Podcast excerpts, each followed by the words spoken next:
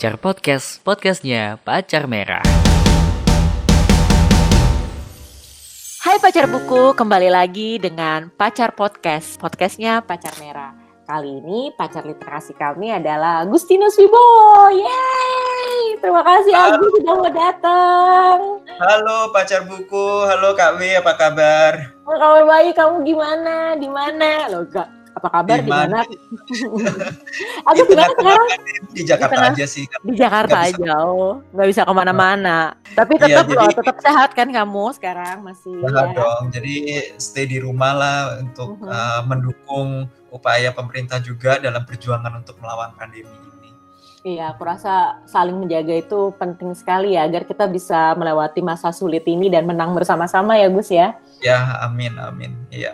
Agus, terakhir kan aku tahu bahwa kamu juga sering muncul di media-media terkait dengan kasus pandemi ini ya karena kamu sebenarnya punya pengalaman di beberapa tempat yang pernah juga mengalami pandemi kalau aku nggak salah ya Gus ya. Iya, aku tahun 2003 tinggal di Beijing sebagai mahasiswa dan waktu itu di Beijing juga sudah terjadi wabah corona yaitu SARS yang yang sebenarnya masih Nah, berkabar Dengan corona Eh, ini. Corona yang kali ini ya COVID ini dan SARS ini juga menimbulkan ketakutan yang sangat besar karena kita tahu ini sangat menular dan Mhm. dan hampir tidak banyak informasi yang beredar waktu itu kan belum zamannya internet, belum zamannya media sosial dan eh, pemerintah Tiongkok waktu itu langsung menerapkan lockdown. Aku langsung mengalami, oh ternyata sistem lockdown itu seperti ini karena karakter budaya bangsa Cina itu sangat kuat konsep tentang tembok ya. Jadi dalam orang Cina itu ada peribahasa orang di dalam dengan di luar itu berbeda. Jadi dalam otaknya itu ada tembok yang memisahkan orang luar dan orang dalam. Dan kita tahu juga Tiongkok punya tembok besar gitu yang memisahkan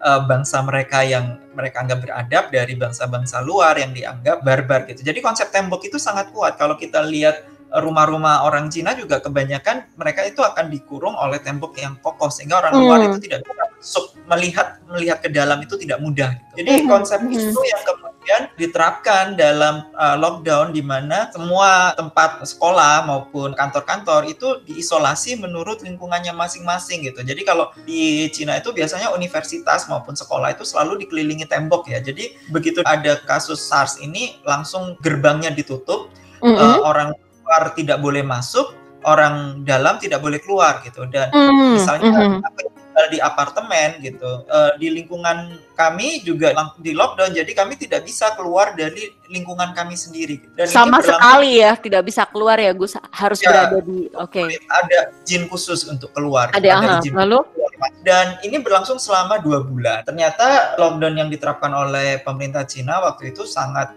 efektif dalam mencegah penularan SARS dan SARS itu sampai akhirnya nol kasus dan benar-benar hilang dari dunia manusia. Beijing termasuk yang paling parah ya. Jadi ada Beijing, Guangzhou itu dan Beijing ini termasuk yang paling parah gitu. Jadi termasuk epicentrum dan itu dua bulan. Karena itu waktu terjadinya COVID-19 ini, ah, waktu itu awal mulanya aku pikir tidak akan menjadi pandemi karena pemerintah Cina punya strategi lockdown yang sangat ketat yang yang seperti pengalaman mereka waktu menangani SARS. Tapi Hmm. ternyata tahun 2020 ini landscape sudah landscape perjalanan dunia sudah berubah. Orang sudah jauh lebih mudah melakukan perjalanan. Kemudian orang Cina juga lebih mudah untuk keluar negeri. Dalam satu tahun itu ada 100 juta lebih orang Cina yang melakukan perjalanan ke luar negeri. Dan bukan di Cina aja, di seluruh dunia ya. Kita tahun 2003 naik pesawat masih mahal gitu kan. masih mahal betul Di luar negeri gitu masih pengalaman yang mewah wow. jauh banget gitu ya kesannya ya Heeh. zaman sekarang kan kita mau ke Singapura udah kayak piknik aja gitu untuk weekend eh, Jumat sore berangkat Sabtu udah pulang gitu itu biasa aja di zaman sekarang dan itu yang membuat salah satu hal yang membuat penyebaran virus itu menjadi sangat cepat dan ini yang tidak ada di tahun 2003. Jadi tahun 2003 itu lebih sifatnya sebagai epidemi. Covid ini dalam sekejap menjadi pandemi karena globalisasi dunia. Ini yang membedakan. Dan hal yang membedakan pula adalah pengalaman lockdown yang dulunya sangat spesifik orang Cina yang yang dulu Mhm. saya saya nggak bayangin apa orang negara lain itu bangsa lain bisa ngalamin seperti ini tapi ketika dihadapkan dengan pandemi yang sama mau nggak mau banyak bangsa yang terpaksa mengadopsi teknik ini padahal ini juga sesuatu yang sangat sulit bahkan bertentangan dengan cara hidup yang lazim di negara-negara seperti di Eropa Oke, maupun di betul. Indonesia atau di India tapi mau nggak mau mereka sedikit banyak harus mengadopsi cara yang sama karena ini adalah satu wabah yang sangat cepat menular dan kita masih belum kenal betul virusnya dan kita masih belum menemukan vaksinnya ya memang cara yang paling tepat adalah menghambat penularan. Hmm, ya itu aku setuju banget gitu dari eh, mari kita saat ini masih lakukan perenggangan atau penjarakan sosial itu karena tujuannya adalah sebenarnya menghambat penularan ya, menghambat penyebaran virus itu sendiri ya Gus ya. Betul dan itu bukan untuk diri kita sendiri tetapi juga untuk masyarakat Orang, yang iya, lebih betul. luas. Untuk Iya, itu dan- bagian dari saling menjaga ya. Jaga jarak itu justru adalah upaya untuk saling menjaga sebenarnya ya.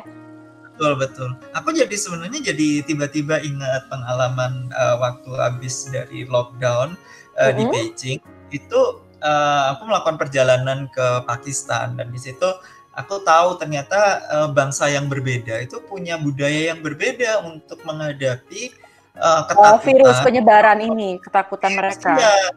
Iya, iya. Jadi Pasti, pasti uh, itu kayak sistem bertahan setiap tempat itu memang punya perbedaan ya satu sama lain kalau aku pikir dan itu kayaknya dipengaruhi oleh budaya ya Gus. Iya, dan Ya. itu cara pandang dan termasuk agama Mhm. juga. Misalnya yang menarik ya waktu itu eh, setelah dua bulan Beijing di lockdown itu kan hanya Mhm. perjalanan dibuka ya, dan aku udah kayaknya udah nggak betah kan manusia memang bukan.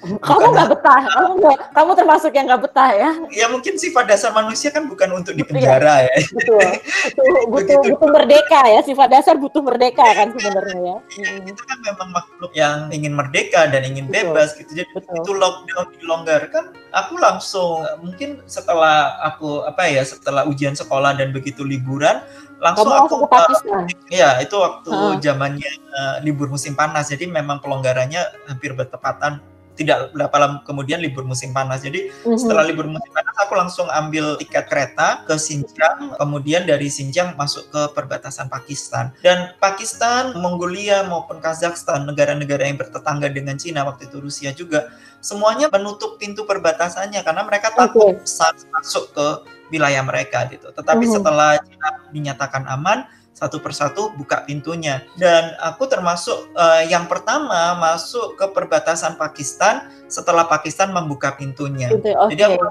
dalam rombongan bus eh, pertama dan rombongan bus itu isinya adalah pekerja-pekerja Cina yang mau bangun proyek-proyek infrastruktur di Pakistan sama orang-orang Pakistan yang eh, terdampar di Cina nggak bisa pulang ya para pedagang pulang.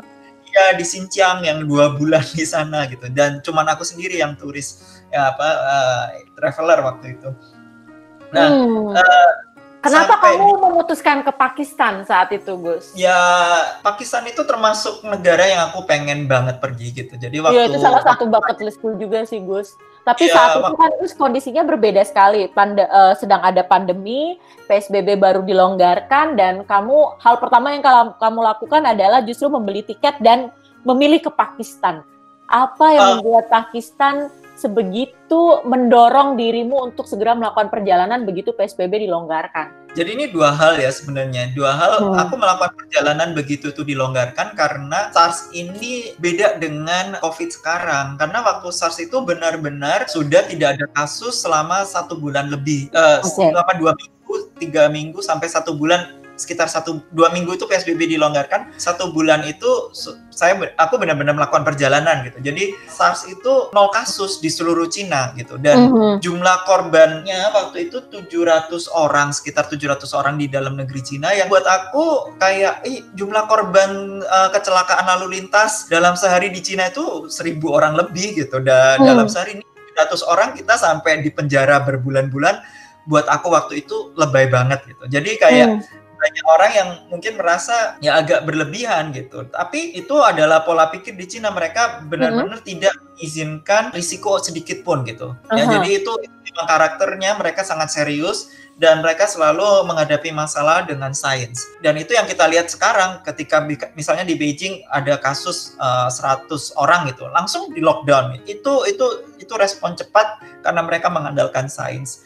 Ini agak kontras ya ketika aku di Pakistan, aku sambung dulu ke uh, masalah perbedaan budaya dalam menghadapi pandemi ini jadi di Pakistan itu waktu masuk ke Pakistan itu perbatasannya kan di atas puncak gunung ya sekitar 5000 meter. Itu kalau orang normal eh, dari dataran rendah masuk tiba-tiba ke tempat yang uh, setinggi itu itu sangat wajar ada uh, perbedaan uh, apa ada ada reaksi tubuh ya uh, dengan ketinggian yang sangat tinggi uh, ketinggian uh, dengan ketinggian yang ekstrim dan hmm. waktu itu aku suhu badanku tinggi sekali 50 50 eh sorry 50 oh kok 50 derajat Agus kamu yakin ya, aku agak ngantuk suhu badan di atas sekitar, 37 di atas 37 atau 38 ya 38. jadi emang hmm. ya seharusnya uh, seharusnya udah dikarantina untuk aturan normalnya. Gitu. Tetapi begitu di dokter di Pakistan yang ngukur itu, dia itu juga pakainya nggak pakai APD, dia itu hanya pakai masker yang ala kadarnya gitu. Masker itu kayak sekilas kayak apa ya? Lebih kayak kaleng yang ditutup di depan mulut gitu. Jadi nggak apa buat kita yang di Beijing yang biasa ngelihat orang pakai baju udah kayak astronot gitu, tiba-tiba di Pakistan yang dokternya sangat terbuka, terekspos begitu, itu buat aku langsung aneh gitu. Terus dokternya tanya, kamu dari mana? Terus aku bilang dari aku dari Indonesia gitu. Wah, dia langsung peluk-peluk aku, dia langsung uh-huh. dia peluk aku, dia langsung uh, cium jidatku gitu. Terus dia bilang, kamu saudara muslimku, uh, oh. kita sesama muslim tidak akan menularkan penyakit dia bilang begitu. Oke, okay. lalu aku nggak tahu aku dari Beijing yang SARS-nya paling parah gitu. Nah ini kalau misalnya aku beneran ada SARS, dia ini bisa jadi korban Pakistan yang pertama nih kayaknya. Sedangkan orang-orang Cina yang uh, satu bus dengan aku suhunya 37 setengah udah nggak boleh masuk padahal mereka okay. tinggal provinsi Xinjiang yang tidak ada kasus SARS sama sekali gitu. Jadi waktu itu aku udah berpikir ternyata budaya yang berbeda ya orang yang dengan kultur sosialis yang sangat mengutamakan uh, kepentingan masyarakat di depan kepentingan individu ya. Jadi hmm. tidak membicarakan soal kebebasan individu tapi lebih memikirkan kebaikan masyarakat dan itu yang ditekankan di Cina ketika lockdown dan penekanan pada sains itu sangat kontras dengan di Pakistan yang okay. merasa oh kalau okay. kita punya agama Tuhan akan melindungi kita gitu. Uh, attitude itu yang membedakan dan ini kita kembali lagi bisa melihat refleksi ini pada kasus Covid di mana hmm. negara-negara liberal ya demokrasi liberal kayak di Eropa di Amerika ini sulit sekali untuk diminta warganya disiplin ya kecuali ketika kasusnya sudah jumlahnya sudah luar biasa besar luar biasa, dan betul. pengarahan polisi, pengarahan tentara, penerapan denda yang tinggi, nah mereka baru patuh gitu. Tetapi setelah sekian beberapa minggu udah mulai pada demo lagi, menuntut lagi kebebasan. Nah, kemudian di negara-negara yang religius juga begitu, ngerasa oh kita punya Tuhan kok, kita nggak takut mati kok gitu. Dan justru banyak di tempat-tempat ibadah ya, semua agama saya nggak bilang uh, agama tertentu, banyak tempat-tempat ibadah yang justru menjadi pusat penularan gitu. Jadi nah, kita iya, melihat betul. budaya dan pola pikir yang berbeda menimbulkan karakter dari masyarakat yang berbeda pula. Gitu. Hmm, Kenapa? Menarik, menarik. Bahwa dan ini tuh sebenarnya kak pola-pola ini pun muncul di negara kita ya. Aku nggak akan ngomong negara lain dulu ya, Gus ya. Kita coba lihat negara hmm. kita. Justru juga ada kejadian-kejadian seperti itu muncul gitu ya. Mulai dari yeah. kayak kasus hmm. di Sulawesi, yang Goa, ya kan? Lalu yeah. kemudian cukup banyak juga yang mempertanyakan mengapa mereka nggak boleh ke masjid gitu karena ya yeah. Berangkat dari itu sistem sistem kebudayaan termasuk juga sistem keyakinan menciptakan satu apa ya kalau aku nyebutnya satu ya satu sikap yang sebagaimana Agus yeah. ceritakan tadi ya. Nah, hmm. aku jadi tertarik juga dari penjelasan kamu, Gus. Kita ngomongin pandemi yang sekarang yang kamu alami ya. Yeah. Uh, ketika kamu ternyata untuk kali kedua mengalami lockdown atau PSBB uh, dan kali ini di tanah airmu sendiri di Jakarta gitu di Indonesia, ada tidak hal yang berhasil kamu kerjakan selama pandemi dan itu membuat kamu bangga gitu karena ini selesai selama ketika kamu sedang menghadapi pandemi. Um, buat aku salah satu hal yang cukup membanggakan ya dari pandemi ini adalah mengubah karakter aku yang mau nggak mm -hmm. mau kita harus mencoba beradaptasi dengan sesuatu yang baru gitu dan Ah, uh, oke. misalnya adalah dengan menggelar kelas uh, penulisan lewat teknologi Google Meet misalnya atau Mhm. uh, kelas-kelas virtual uh, bincang-bincang virtual yang dulunya aku merasa uh, dari dulu itu sudah ada live IG atau ada Aha. video IGTV gitu. Aku sama sekali nggak terpikir untuk mencoba teknologi-teknologi itu gitu. Kalau nggak dipaksa karena pandemi, mungkin aku nggak akan pernah mencoba.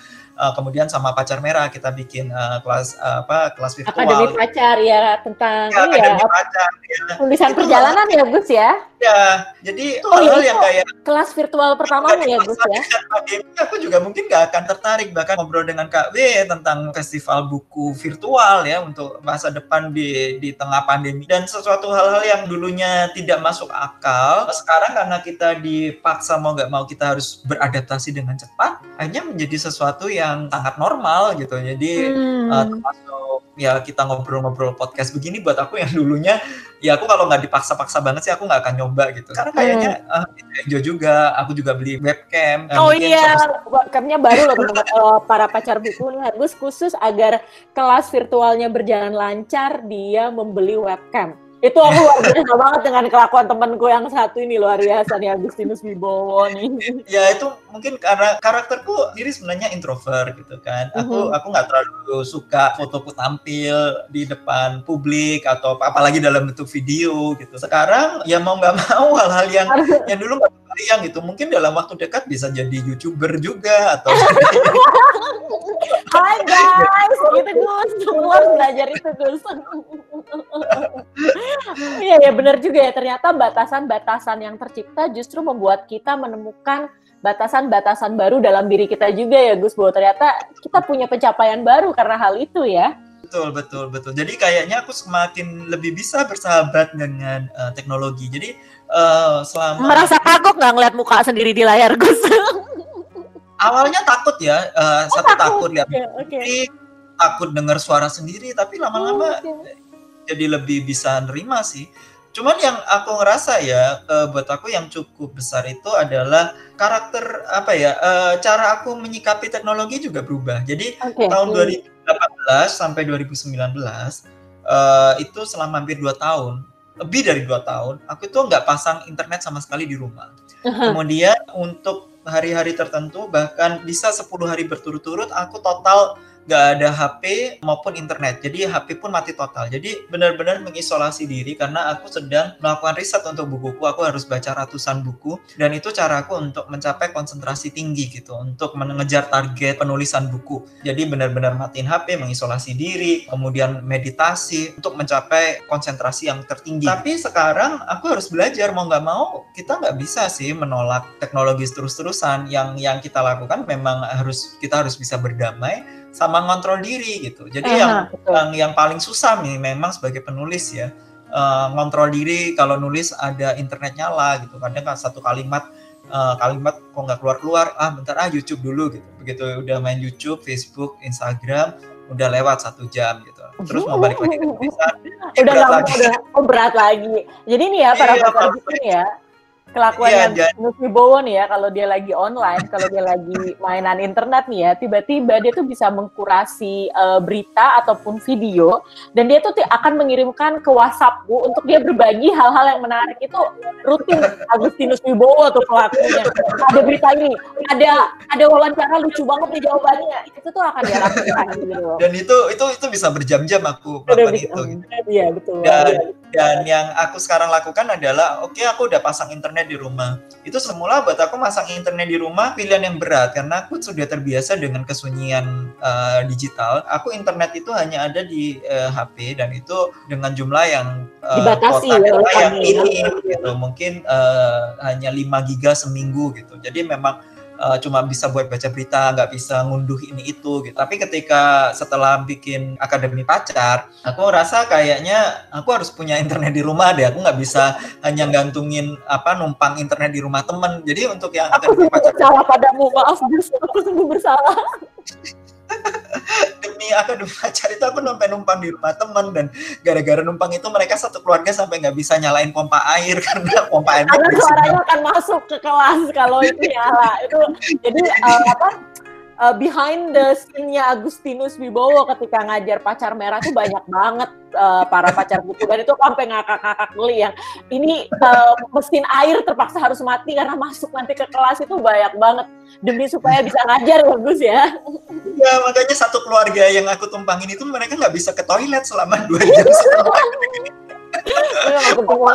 kelakuan kita Gus. Tapi syukurlah kelasnya berjalan lancar, banyak yang suka, banyak yang mengikuti dan aku ingat banget selesai mengajar Agus bilang ternyata menyenangkan juga ya Mbak We uh, melihat um, bertemu orang-orang walaupun tidak langsung gitu lah. Itu tadi tiba iya. ternyata itu adalah pencapaian seorang Agus. Dia berani keluar dari zona nyamannya, uh, masuk ke batas-batas virtual yang selama ini justru dia hindari karena takut uh, larut dalam kerian itu ya Gus ya.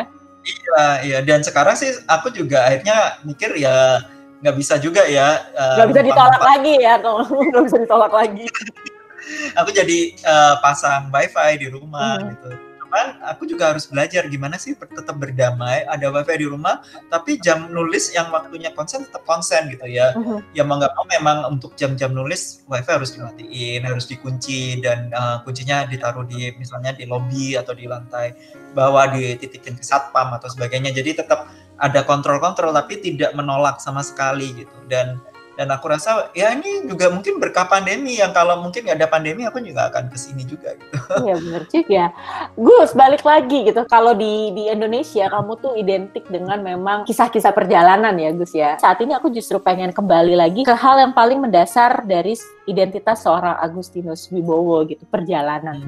Sebenarnya apa yang telah diajarkan perjalanan ke kamu sih Gus? Perjalanan itu buat aku adalah proses untuk mengubah diri yang sangat besar. Yang pertama adalah aku yang dulu itu bisa dikatakan sangat introvert, kutu buku banget gitu. Jadi aku lebih suka mengurung diri di kamar untuk baca buku, uh, membayangkan tentang dunia luar, berimajinasi tentang dunia luar, tapi nggak berani melangkah keluar. Mm. pengaruh yang sangat besar itu adalah konteks dari sejarah aku dibesarkan itu waktu Orde Baru dengan diskriminasi rasial pada orang Tionghoa itu efeknya sangat besar. Aku mm-hmm. nggak mm -hmm. berani keluar rumah tanpa ditemani orang lain misalnya itu itu sejak kecil seperti itu dan yang ngubah aku memang keadaan yang mungkin tidak terlalu tidak terlalu aku duga waktu itu mm-hmm. yaitu aku bisa sekolah di luar negeri dan ketika di luar negeri harus hidup sendiri aku bisa lebih mandiri. Dan yang kedua ketika aku keluar rumah aku nggak perlu lagi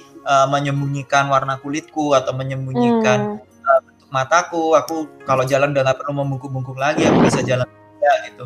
Itu itu efeknya sangat besar dalam meningkatkan kepercayaan diri. Kemudian satu hal lagi adalah sejak kecil itu aku selalu bertanya tentang siapa aku gitu. Karena mm-hmm. diskriminasi rasial itu tadi ya karena itu itu buat aku adalah sejak kecil aku dihadapkan dengan permasalahan identitas. Bahkan sejak SD pun aku selalu bertanya sebenarnya siapa aku? Apakah aku ini orang Indonesia kah atau orang Cina kah? Gitu. Kalau orang Indonesia kok tiap hari harus dibilang Cina kalau orang Cina kok aku nggak bisa bahasa mereka, aku nggak ngerti budaya mereka. Ini kebingungan identitas ini yang bikin aku kemudian ingin pergi untuk mencari aku ini siapa sih sebenarnya gitu. Hmm. Dan perjalanan pergi ke Cina untuk kuliah di satu sisi adalah buat aku adalah bagian dari pencarian identitasku ini juga gitu, termasuk mencari akar, untuk mencari apakah aku benar-benar belong ya, benar-benar menjadi bagian dari Cina jadi waktu itu memang ada sedikit sensasi ya rasa bisa pergi ke Cina itu adalah kayak pulang kampung gitu. Mm -hmm. Tetapi begitu nyampe di Cina ternyata di Beijing aku merasa kok aku nggak diperlakukan sebagai saudara yang baru pulang gitu. Mm -hmm. Aku cuma mm-hmm. hanya orang asing buat mereka. Aku harus bayar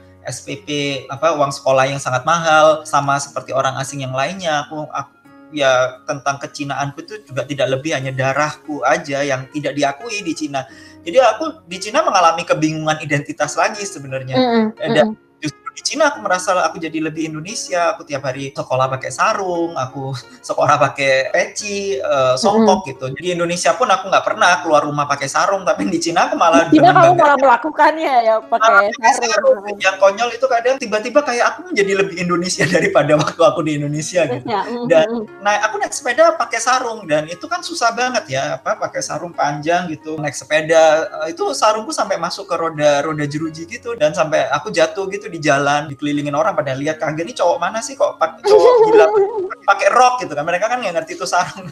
Kenapa kenapa pakai rok gitu. Itu itu itu bagian dari perjalanan identitasku. Nah ketika aku merasa aku nggak bisa merasa di rumah waktu aku di Indonesia dan ketika aku nggak merasa di rumah pula ketika aku ada di Cina aku ada pikiran bahwa mungkin rumahku adalah tempat-tempat di mana aku tidak terlalu terikat gitu dan uh, okay. dan itu yang membuat aku kemudian mencari perjalanan ke tempat-tempat jauh. Aku awali dari Mongolia, di Mongolia apa uh, mungkin orang kalau backpacking pertama milih destinasi yang mudah ya. Aku waktu itu milih destinasi yang murah. Jadi yang paling murah dari Beijing Justru, ya Mongolia. Mongolia ya. Jadi Oke, okay, ya. aku coba urutkan supaya pacar buku bisa mengikuti uh, apa jalurnya ya, Gus. Jadi kamu ya. pertama kali uh, keluar negeri itu justru ke Cina, ke Tiongkok, ke Beijing ya. Itu untuk belajar sebenarnya, Gus ya, untuk ya. belajar. Ya. Nah, di Beijing inilah kemudian kamu juga menghadapi sebuah pertanyaan besar tentang identitasmu ya, dan ya, ya. memutuskan untuk pergi uh, ke tanah-tanah lain agar bisa menemukan rumah itu ada di mana dan kamu memilih Mongolia. Justru negara pertama yang kamu datangi ketika kamu berada di Beijing, yeah. eh, berada di Tiongkok adalah Mongolia sebagai titik uh, pertamamu ya. Ya, jadi nah, sebenarnya waktu ke Mongolia mungkin mikirnya nggak terlalu sefilosofis itu. Ini sekarang aku agak flashback uh, untuk memandang kembali apa yang sudah aku iya, lalui. Iya, saat dan itu kamu karena itu paling murah ya. Iya, jadi waktu itu memang untuk satu pembuktian lah uh, jati diri anak-anak muda gitu kan. Ketika aku waktu di Cina aku ngeliat orang-orang dari Jepang yang sudah banyak yang backpacking gitu. Zaman dulu tuh kan Indonesia orang Indonesia jarang tuh ada backpacker. Kita aja aku aja terus terang baru dengar istilah backpacker setelah aku ada di di Beijing gitu tahun 2003. Uh, hmm. eh, 2000 tahun 2000-an. Jadi teman-teman yang dari Jepang, dari uh, Eropa, mereka keliling dunia hanya dengan satu ransel dan mereka berani. Sedangkan aku dulu keluar rumah aja aku nggak berani gitu. Ada satu temen Jepang yang keliling Indonesia sendirian enam bulan tanpa bisa bahasa Inggris. Nah buat aku kayak wow dia bisa wow. kenapa nggak bisa gitu? Betul, betul, wow betul. banget gitu. Terus aku pikir ya udah mungkin pembuktian pertama aku ke Mongolia untuk membuktikan ini kamu naik apa kereta api Gus? Waktu itu atau gimana? Apa? dari kamu ke Mongolia dari Beijing naik kereta api atau gimana Gus? Naik kereta api, iya naik kereta uh, api. Trans Siberian? Uh, enggak, Trans Siberian mahal, ya. Bo. Oh, oh ya Allah. Oke, Bo. Lalu kita naik apa, Gus? aku aku naik kereta-kereta lokal dengan uh, uh. kalau paling murah. Jadi aku ganti-ganti kereta lima kali deh kalau nggak salah baru sampai London. Jadi loncat itu ada ya, kayak satu kereta berhenti, kereta berikutnya tuh langsung di peron sebelahnya. Jadi begitu kereta berhenti langsung lari-lari. Langsung loncat, lari ke oke okay, oke. Okay. Langsung loncat iya. Jadi demi benar-benar anak mahasiswa ya dengan duit aku bawa duit mungkin cuma uh, 300 eh yeah. 400 dolar 400 ya, dolar. Ya pernah cerita tuh sama aku. Ya udah kita yeah. pergi gitu. 400 dolar tuh udah kayak inilah hidupku gitu ya Gus ya pasti bisa. 400 dolar 400 dolar zaman itu udah kayak kayak kayak kaya banget, banget.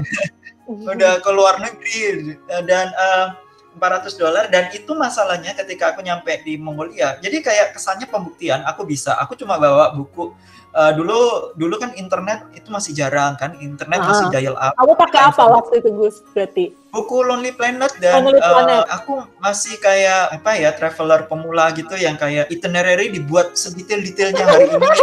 ini udah kayak tour group gitu bikin itinerary.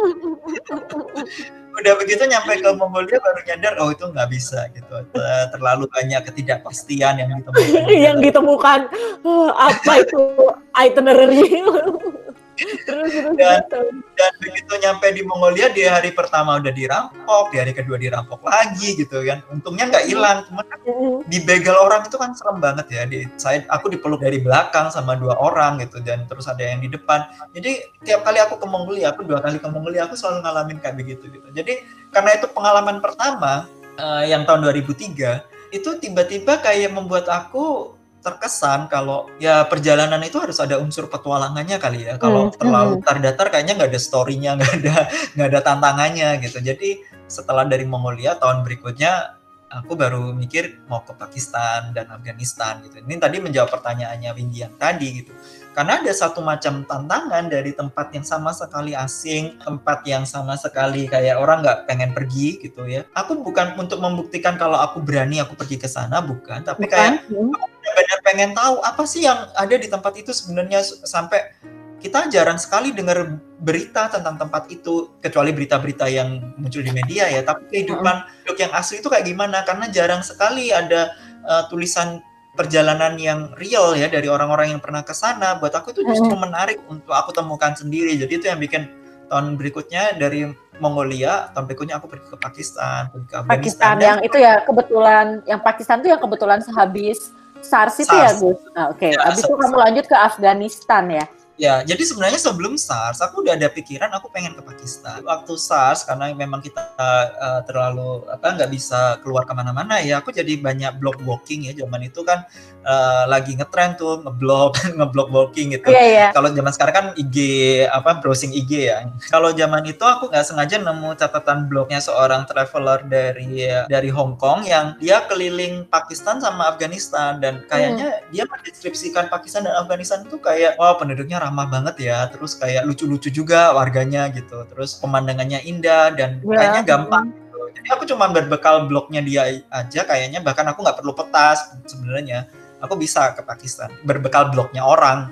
Jadi awalnya memang aku terinspirasi dari traveler lain yang perjalanannya jauh lebih buat aku jauh lebih hebat karena waktu itu aku masih pengen belajar gimana sih melakukan perjalanan yang benar gitu. Dan aku terinspirasi banget dari blog ini. Uh, Siapa namanya Gus? Sorry. Pazu, P A Z U dia uh, Pazu itu nama nama nama webnya dia ya, nama aslinya aku lupa. Dan Pazu.com atau apa Gus? Iya dulu pazu.com dan itu kalau nggak salah tulisannya dalam bahasa Mandarin uh, huruf Hong Kong jadi agak susah dibaca juga.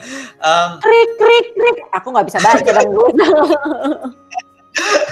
dia uh, jadi waktu itu dia cerita uh, pengalamannya ke Afghanistan yang yang yang sangat ya dia pergi ke Afghanistan tahun 2002. Kita tahu Afghanistan tahun 96 kan Taliban menduduki situ Iya betul, 2001. betul, Taliban ada di situ. 11 September kan kejadian 11 September di. Amerika kemudian Amerika uh, mau menghantam Taliban jadi invasi Amerika 2001 uh, Taliban diturunkan dari Afghanistan jadi Afghanistan mulai terbuka untuk dunia luar itu tahun 2001 nah traveler ini tahun 2002 pergi aku perginya tahun Mhm. 2003 karena terinspirasi dia gitu jadi Setahun Eh, kemudian ya, setahun kemudian. Iya, setahun kemudian setelah si traveler Hong Kong ini gitu. Buat aku tempat-tempat seperti itu loh yang jarang dideskripsikan eh, secara personal, dideskripsikan dari em, dari grassroots, dari apa dari on the ground gitu ya, apa eh, istilahnya eh, deskripsi yang benar-benar real dari lapangan itu agak kurang. Dan itu tempat-tempat seperti itu aku sangat tertarik eh, zaman itu. Dan itu yang kemudian bikin aku ke Pakistan sama Afghanistan. Dan di zaman itu juga belum ada buku panduan perjalanan Afghanistan. Aku juga cuma berbekal blognya Si blog ini ya, Pazu. cuma ber- bener-bener berbekal blog sampai di Afghanistan tuh bener-bener kayak orang linglung yang nggak tahu apa Afghanistan tuh etniknya apa aja ya bahasanya apa aja ya. Petanya kayak Afghanistan itu kayak gimana aku bener-bener buta. Jadi mau hotelnya nginep di mana nggak tahu. Jadi bener-bener nyampe Kabul udah Kabul itu kan kota gede sebenarnya dari dari tempatnya berhentinya bus sampai ke hotel kayak gimana. Bener-bener ngandalin mulut nanya ke orang. Jadi itu zaman yang se- sebelum ada gadget sebelum ada internet di Gawai mana internet. Belum ada Google Maps ya, Bu. nggak ada. Bahkan peta yang peta yang biasa aja nggak ada. Peta Afghanistan yang aku dapetin waktu itu tahun 76 ya kita hanya pakai peta yang yang tahun 76 itu yang aku beli di Kabul untuk keliling Afghanistan di tahun 2003 Masih Jadi- valid Gus. Masih valid kayak petanya Gus waktu itu Gus. oh, udah udah berubah semua infonya udah ada cuman yang menarik ya aku ngalamin perjalanan yang mungkin itu terakhir kali deh dan dan setelah itu aku nggak ngalamin perjalanan yang tanpa teknologi sama sekali gitu. Ah. dan itu yang bikin kayak aku ngerasa hubungan antar manusia uh, level trust antar manusia itu kuat sekali pada masa itu. Karena semua orang tahu kita yang ada di jalanan ini ya baik orang Afgan maupun orang asing ya yang pokoknya ada di jalan ini semua kan musafir yang yang kita sama-sama nggak tahu nggak tahu mau ke mana gitu. Apalagi mereka ngelihat musafir mereka akan akan punya rasa belas kasihan yang sangat besar gitu. Jadi Hmm. ketika aku lingkup di jalan itu selalu ada orang yang Ada yang membantu. ada yang membantu. Dan benar-benar kita ngandelin komunikasi. Nggak ada selain komunikasi yang yang, yang nolong waktu itu. Jadi itu itu pengalaman yang agak sulit untuk direplikasi di kehidupan sekarang. Mungkin aku mencoba eh, melakukannya dengan membatasi penggunaan guidebook atau internet tapi tetap aja ya eh, agak susah untuk bisa merasakan level eh, kedekatan seperti itu Kedekatan kecuali kita ke tempat-tempat yang sangat terpencil, yang sangat-sangat terpencil. Aku pernah, aku baru ingat aku pernah ngalamin lagi di di Papua Nugini, yaitu yang yang di tengah hutan, yang yang benar-benar terpencil banget gitu. Itu itu itu bisa gitu. Tapi di banyak tempat sekarang sudah sulit untuk melakukan perjalanan seperti itu. Gus, aku tuh juga jadi eh, tadi ketika kamu cerita bahwa pertama kali kamu akhirnya memutuskan pergi ke Mongolia, dari situ kemudian kamu memutuskan ke Pakistan, Afghanistan dan segala macam gitu. Akhirnya, dan eh, negara-negara yang kamu pilih kan adalah negara-negara yang dulu bahkan mungkin nggak kepikiran oleh orang menjadi tujuan mereka gitu ya Gus. ya. Ya. Hal apa yang pertama kali biasanya selalu kamu lakukan begitu kamu tiba di sebuah tempat? Gus? Oke, yang pertama aku karena aku dari awal perjalanan itu sudah mengalami apa ya, mengalami rasanya bahwa kita ini sebagai musafir, pengunjung asing itu kita sama sekali tidak berdaya gitu. Apalagi di zaman ketika belum ada banyak buku panduan ataupun banyak guidebook eh, apa teknologi yang membantu kita gitu. Yang membuat aku bisa survive, eh, bisa bertahan dalam perjalanan adalah komunikasi dengan penduduk setempat. Eh, Mm-mm. Buat aku itu, itu penting sekali karena pengalaman dari Mongolia maupun Afghanistan, Pakistan, aku ngerasa yang pertama aku lakukan adalah aku harus bisa berkomunikasi dengan penduduk setempat. Jadi sebelum pergi biasanya aku belajar bahasanya dulu. Nah, kalau dulu mungkin aku tidak terlalu mendalami linguistik, jadi aku mungkin basic banget ya, hanya untuk percakapan, untuk nanya jalan, untuk berhitung 1, 2, 3, untuk nawar harga itu aku bisa dengan bahasa lokal di hampir semua negara yang aku kunjungi. Tetapi sekarang dalam eh, perjalanan yang lebih lanjut, sebelum pergi itu aku berusaha mempelajari bahasanya dulu untuk mencapai level aku bisa komunikasi untuk level yang lebih sedikit lebih dalam lah gitu. Kalau ngomong soal untuk interaksi secara eh, penuh mungkin agak susah, tetapi interaksi eh, bukan cuman sekedar nawar harga, tapi aku bisa ngobrol gitu. Aku aku selalu ingin bisa ngobrol dengan penduduk lokal dalam bahasa mereka. Itu yang aku usahakan sebelum pergi. Dan setelah nyampe, yang pertama ya memang cari teman penduduk lokal, gitu, penduduk setempat. Dan dari situ eh, aku belajar tentang isu-isu mereka, eh, belajar tentang hal-hal yang menarik yang ada di situ. Kemudian mendapat teman-teman baru dan dari teman-teman baru lingkaran perkawanan-perkawanan ini baru aku akan bisa mendapatkan akses yang lebih mendalam tentang tempat itu. Karena buat aku untuk datang ke satu tempat, satu negara atau mengenali satu budaya, aku harus benar-benar bisa merasakan rohnya dari tempat itu.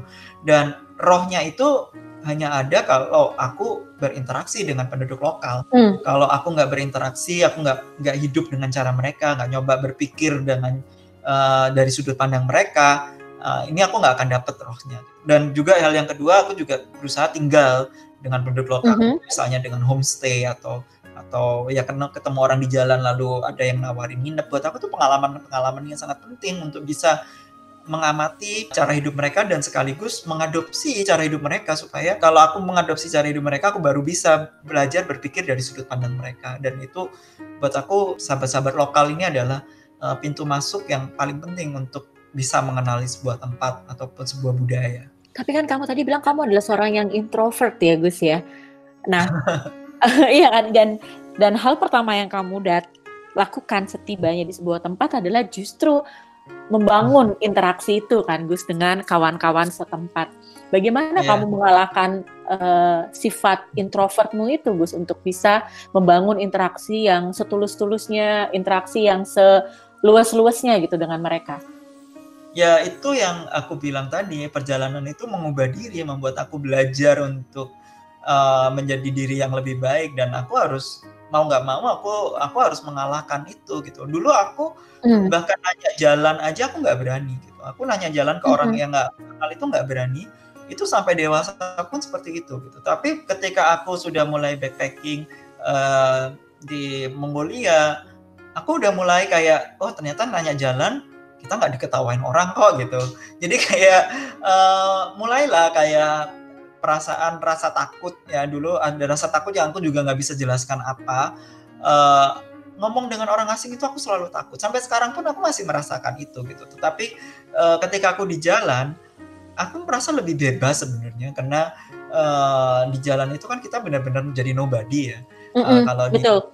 di, di sini Siapa mungkin yang kenal Agustinus Wibowo di jalan? Iya kan Gus. dan dan itu yang membuat sebenarnya adalah satu pembebasan buat aku untuk mm. untuk untuk mengalahkan uh, rasa takut, rasa malu ya dan itu yang yang yang aku rasakan aku jadi lebih berani gitu di jalan. Mm -hmm. Kalau jam sekarang misalnya dengan dengan identitas sekarang ya di dalam satu forum, karena masih ada sisi introvert misalnya dalam satu forum untuk mengajukan pertanyaan misalnya ke pembicara itu aku masih belum berani gitu. Itu aku, oh, ya? aku kalau ngobrol dengan ngobrol dengan pembicara biasanya eh, sesudah sesudah acara bantuan gitu, tapi ngomong di depan umum agak jarang kecuali benar-benar terpaksa aku biasanya enggak gitu. Itu masih ada sisi introvert. Uh, tapi aku lebih lebih lebih bisa bebas, lebih kayak lebih bisa menjadi diriku sendiri. Ya itu lebih bisa merasakan pembebasan itu justru di jalan. Justru di jalanan. Dari begitu banyak tadi kamu bilang bahwa membangun interaksi dengan kawan-kawan lokal atau kawan-kawan setempat bahkan aku tahu banget beberapa di antara mereka masih berhubungan baik dengan kamu sampai hari ini ya Gus kayak kemarin kamu sempat cerita um, apa Gus yang uh, sekarang sudah punya homestay oh, di, di mana di uh, sekarang udah. Betul sudah yeah. punya homestay dan dia ternyata berhasil menemu berhasil menemukan akun Facebookmu dan menyapamu gitu kan? Itu itu adalah itu berselang berapa tahun ya? 15 berapa tahun. tahun ya? 15 tahun ya Gus? Itu kayak hadiah terbaik anak... gitu ya Gus. Hadiah terbaik yang didapatkan dari perjalanan ya sebuah pertemanan. Iya. Nah, aku jadi inget ya, jadi kalau orang-orang introvert kayak aku mungkin ngalamin kesulitan untuk membuka perjalanan, uh, aku tiba-tiba inget nih uh, satu tips yang dulu aku pakai, bukan uh, tips ya, tapi caraku yang yang aku temukan ternyata efektif banget untuk uh, nyari temen. Yaitu aku kalau pergi ke sebuah tempat, uh, aku selalu bawa foto-foto uh, dari perjalanan-perjalananku sebelumnya gitu, yang udah aku print, uh, udah aku cetak uh, atau bawa buku yang banyak gambarnya tentang Indonesia. Nah, biasanya kalau kita datang ke satu tempat yang kita nggak bisa bahasanya, bahasa yang paling mudah, yang paling universal adalah gambar gitu.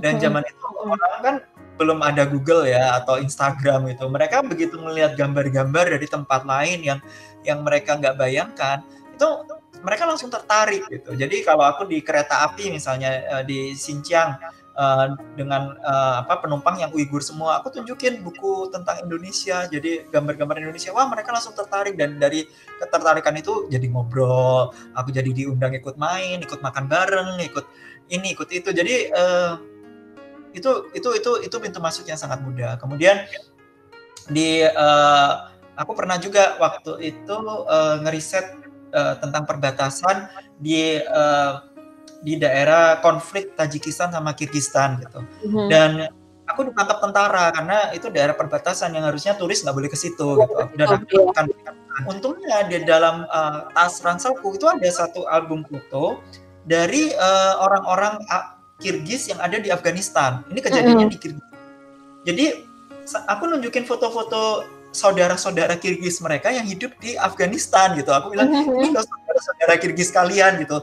Dan tentaranya begitu antusiasnya ngelihat foto-foto Afghanistan ya, Kirgis Afgan yang yang sangat langka itu mereka jadi kayak jadi lupa sama aku yang sebenarnya aku adalah mata-mata di situ. Jadi mereka jadi jadi sibuk sibuk ngelihat fotonya, jadi sibuk berteman. Terus aku boleh nggak minta foto ini? Aku boleh nggak minta foto yang ini gitu. Aku bilang ya udah ambil aja aja gitu. Dan akhirnya setelah aku berteman, aku jadi bisa ngorek informasi dari mereka bahkan informasi yang sangat sensitif. Uh, aku bisa jadi jadi ya benar-benar kerjaan mata-mata sih itu.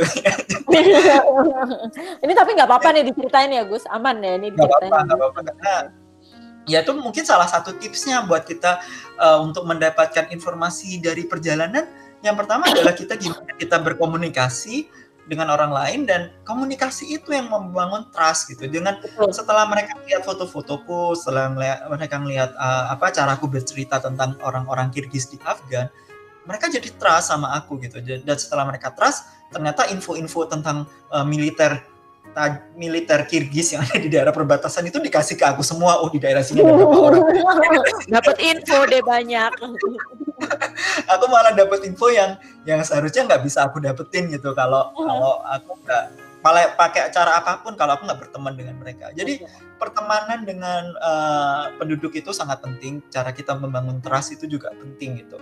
Uh, dari begitu banyak komunikasi, ya.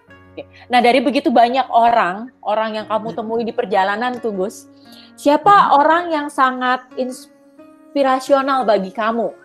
yang kamu temui di perjalanan ya Gus dan kenapa orang itu kamu anggap sangat uh, inspiratif buat kamu? Oke, okay, yang yang nama yang aku nggak bisa abaikan tentu adalah seorang traveler dari Malaysia yang aku temui. Aku tahu di... dia, aku tahu dia. Yeah. Oke, okay. tapi pacar buku perlu tahu. Oke, okay. ini bukan Windy yang sudah diceritain Agus berkali-kali, tapi pacar buku perlu tahu nih. Gimana Gus? Gimana Gus? Ya, jadi waktu itu aku di tengah perjalanan keliling dunia ya ceritanya dari Beijing baru lulus kuliah aku pengen keliling dunia karena aku pengen jadi uh, jadi jurnalis waktu itu. Jadi uh, cita-citaku pengen jadi jurnalis, aku tapi latar belakang pendidikanku nggak ada sedikit pun jurnalisme. Aku dulu kuliah komputer dan setelah aku jalan tiga bulan empat bulan keliling jalan uh, di dalam perjalanan panjang gitu aku mulai merasa kehilangan arah gitu karena mm -hmm. kalau kita melakukan perjalanan panjang ya lama-lama mengunjungi tempat-tempat wisata itu jadi bosen juga kan ya itu dia Betul. itu jadi kayak jadi kayak apa ya meaningnya apa ya maknanya gitu lama-lama aku jadi bertanya-tanya apa benar sih aku mau jalan satu tahun cuma mengunjungi tempat-tempat wisata doang gitu dan di India uh, aku nggak sengaja ketemu uh, aku ketemunya di Nepal pertama kali ketemu dia, dia di Nepal dia itu jurnalis Malaysia yang juga dalam perjalanan keliling dunia yang sama persis dengan aku gitu. Mm-hmm. Cuman mm-hmm. dia uh, dari Malaysia, dia udah jalan darat dari Malaysia uh, nyampe ke Nepal gitu. Dan dan uh, setelah itu kami nggak ketemu lagi, uh, ketemu lagi di India. Uh, jadi nggak nggak sengaja juga ketemunya. Wah kalau ketemu nggak sengaja itu kan kayaknya mungkin ada takdir atau apa gitu jadi aku mutusin jalan bareng mm -hmm. karena aku biasanya nggak terlalu suka jalan bareng sama orang aku suka jalan sendiri tapi sama dia kayaknya aku banyak belajar gitu uh, mm -hmm. nah si ini uh, dia ini perempuan Malaysia Chinese namanya Lamli dia tuh sampai menggunduli rambutnya hanya untuk bisa masuk ke kuil-kuil Buddha di Tibet gitu jadi mm -hmm. memang uh, sosok yang luar biasa dan dia Unik itu ya berkarakter sosoknya iya kok karakternya kuat sekali dan uh, dia juga apa ya dia kalau datang ke satu negara dia tuh tiap hari beli koran gitu beli koran mm. baca baca isu-isu uh, baca yang apa kejadian-kejadian apa di negara itu jadi dia benar-benar up to date tentang kejadian di situ jadi bukan cuma baca guidebook kan guidebook kan tentang wisata aja atau sejarah yang sudah jauh tapi dia tetap tetap up to date dengan uh, kondisi terkini yang ada di negara itu Kemudian dia ketika berinteraksi dengan penduduk, dia juga banyak pertanyaan yang sangat kritis. Uh, ketika jalan bareng itu juga dia punya observasi yang kritis gitu. Misalnya waktu kami di uh, di Jaipur gitu, dia bisa mengamati oh pasar di India itu ternyata ada ada seksi pasar yang khusus untuk barang-barang logam, ada pasar yang untuk barang-barang makanan gitu. Jadi pasarnya uh, dipisah-pisah dengan klaster-klaster gitu. Dia dia bisa mengamati itu. Sedangkan dulu aku mungkin hal yang seperti itu pun akan luput dari pandangan hmm. mata aku. Aku sibuk, sibuk untuk visual karena aku dulu startnya sebagai fotografer ya. Aku selalu cari oh angle yang bagus mana ya, oh uh, sinar yang bagus dari mana, oh penduduk yang uh, apa yang wajahnya eksotik di mana gitu. Itu sudut pandangku berubah banget setelah aku kenal si Lamli ini. Gitu. Mm -hmm. Dan dia mengajarkan aku untuk banyak membaca kalau aku pengen jadi jurnalis, jurnalis perjalanan, penulis perjalanan, apa pun istilahnya, aku bukannya harus membaca buku-buku tips menulis perjalanan, tetapi aku harusnya membaca banyak buku penulis perjalanan yang kualitasnya bagus. Dan dari situ aku harus belajar, oh gimana sih nulisnya gitu. Jadi bukan hanya belajar teori, tapi langsung belajar dari buku-buku yang bagus analisa gitu. Jadi uh, itu teknik belajar yang dia kasih ke aku. Aku mm-hmm. dari gara-gara Lamli aku jadi kenal W.S. Naipaul. Jadi waktu di India aku baca bukunya W.S. Naipaul. Uh, dia ini penulis uh, perjalanan yang meraih sastra uh, sastra Nobel meraih Nobel sastra ya untuk buku perjalanan dia juga nulis fiksi tentunya tapi buku-buku perjalanannya juga kualitasnya sangat tinggi jadi uh, kalau buku perjalanan bisa menjadi sastra berarti ini sebenarnya bukan bukan genre yang main-main gitu loh. Kalau kita belajar serius, ini juga adalah sastra. Dan uh, karya Naipaul benar-benar me mempengaruhi aku cara berpikirku, uh, standarku tentang tulisan perjalanan diawali dari membaca bukunya Naipaul yang direkomendasikan Lamli. Aku Jadi, juga sangat Naipaul, menyukai V.S. Naipaul ini dan dia punya pengaruh besar sama aku untuk tulisan-tulisan perjalanan cara berpikirnya oh, ya, aku kalau dia ya aku aku membaca karya-karya dia. Kamu baca yang mana mungkin yang pertama? Aku satu yang pernah aku uh, yang aku baca dan masih melekat di aku tuh yang dia ketika nulis tentang writers people. Jadi dia justru menulis tentang orang-orang yang menulis dan bagaimana para penulis ini justru mendapatkan banyak pengaruhnya tuh dari budaya dari budayanya dia gitu loh Gus. Uh, judulnya writers people itu itu cukup mempengaruhi aku terus kemudian um, aku baca juga yang perkara-perkara salah satu yang menarik adalah sebenarnya Fias Paul kan juga adalah orang yang mencari akar dunia kan bisa ya, betul. Ya, dia datang ke India juga dia kan. Dia datang ke India dan karena dia bekerja di Inggris justru kan sebenarnya. Iya. Dia, dia nah itu yang sebenarnya Lamli waktu itu uh, rekomendasikan ke aku karena dia tahu aku ini orang yang mencari akar gitu. Hmm. Jadi dia bilang ini buku yang rekomend banget buat kamu karena kamu akan banyak menemukan refleksinya karena Naipaul ini kan orang keturunan India yeah. tinggal yeah. Trinidad ya dia yeah, dia di Trinidad. Trinidad di Amerika Tengah uh, dia mencari akar Indianya, pergi ke India dan dia kecewa. Itu kan sebenarnya refleksi dari aku yang pergi ke Cina, kemudian uh, kemudian kecewa juga dengan akar yang nggak ketemu di situ gitu. Jadi uh, ke kegelisahan Naipaul itu yang yang yang aku bisa dapatkan dari refleksi ketika membaca tulisan dia. Kemudian hmm. ada lagi satu sisi sebenarnya buku pertama dari Naipaul yang aku baca adalah uh, yang judulnya uh, Among the Believers. Yaitu, ah, aku aku membaca itu juga. Itu kamu suka sekali nggak? Apanya? Kamu menyukainya yang Among of the Believers itu? itu karena buku yang pertama dan itu uh, buku yang efeknya besar sekali buat aku oh, dan, okay. dan okay. jangan dulu itu jangan jangan jangan kamu bahas dulu yang itu karena ada satu hal terkait buku yang kamu akan aku tanyakan gitu. Uh, uh, ya Gus, ada bagian itu. Jangan dikeluarin okay, okay. sekarang. Oke, okay, aku cuma mau mau bilang bagaimana okay, balik lagi ke perjalanan huh? karena dari bukunya Among the Believers itu aku belajar oh itu loh caranya untuk uh, bicara dengan orang. Itu caranya mendeskripsikan manusia. Oh itu caranya mengkritisi kondisi sosial gitu. Jadi dari uh, bukunya Nepal itu aku belajar gimana sih caranya mendeskripsikan orang gitu. Nepal itu kan uh, cara dia mendeskripsikan orang itu bisa sangat hidup sekali ya dari ekspresi mukanya kita bisa melihat bagaimana karakternya. Jadi kayak seolah-olah Nepal itu bisa membaca orang sampai sampai ke sifat dasarnya dia gitu. Kemudian uh, cara dia uh, menyampaikan dialog-dialog, kemudian dia mengkritisi uh, keadaan, kemudian cara dia men, uh, menimbulkan pertanyaan-pertanyaan yang membuat kita berpikir tentang ironi yang ada di budaya-budaya uh, yang dia kunjungi. Jadi kekritisan-kekritisan itu yang bikin aku berpikir sangat mendalam Uh, dan itu sangat membantu aku kemudian ketika aku pergi ke Pakistan karena Pakistan juga adalah uh, satu negara yang dia tulis dalam buku Among the Believers. Jadi Among the Believers ini adalah uh, perjalanan Paul mengunjungi empat negara Muslim, uh, Iran, Pakistan, Malaysia, dan Indonesia.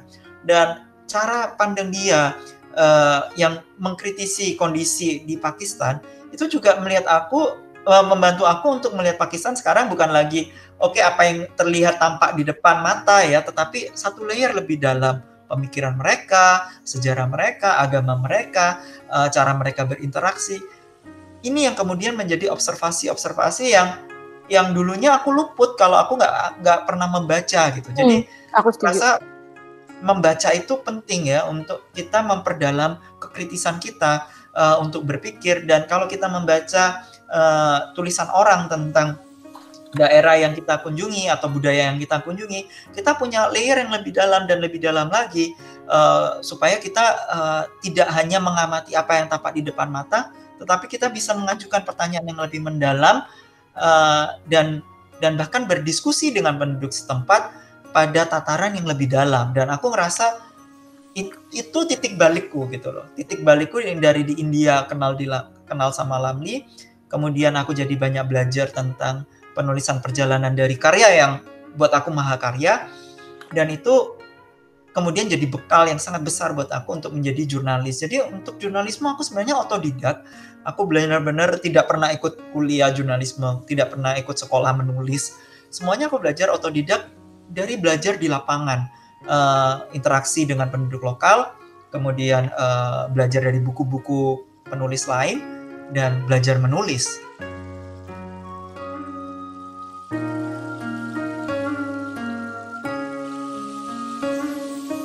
Dengarkan kelanjutan podcast ini di Pacar Podcast episode selanjutnya.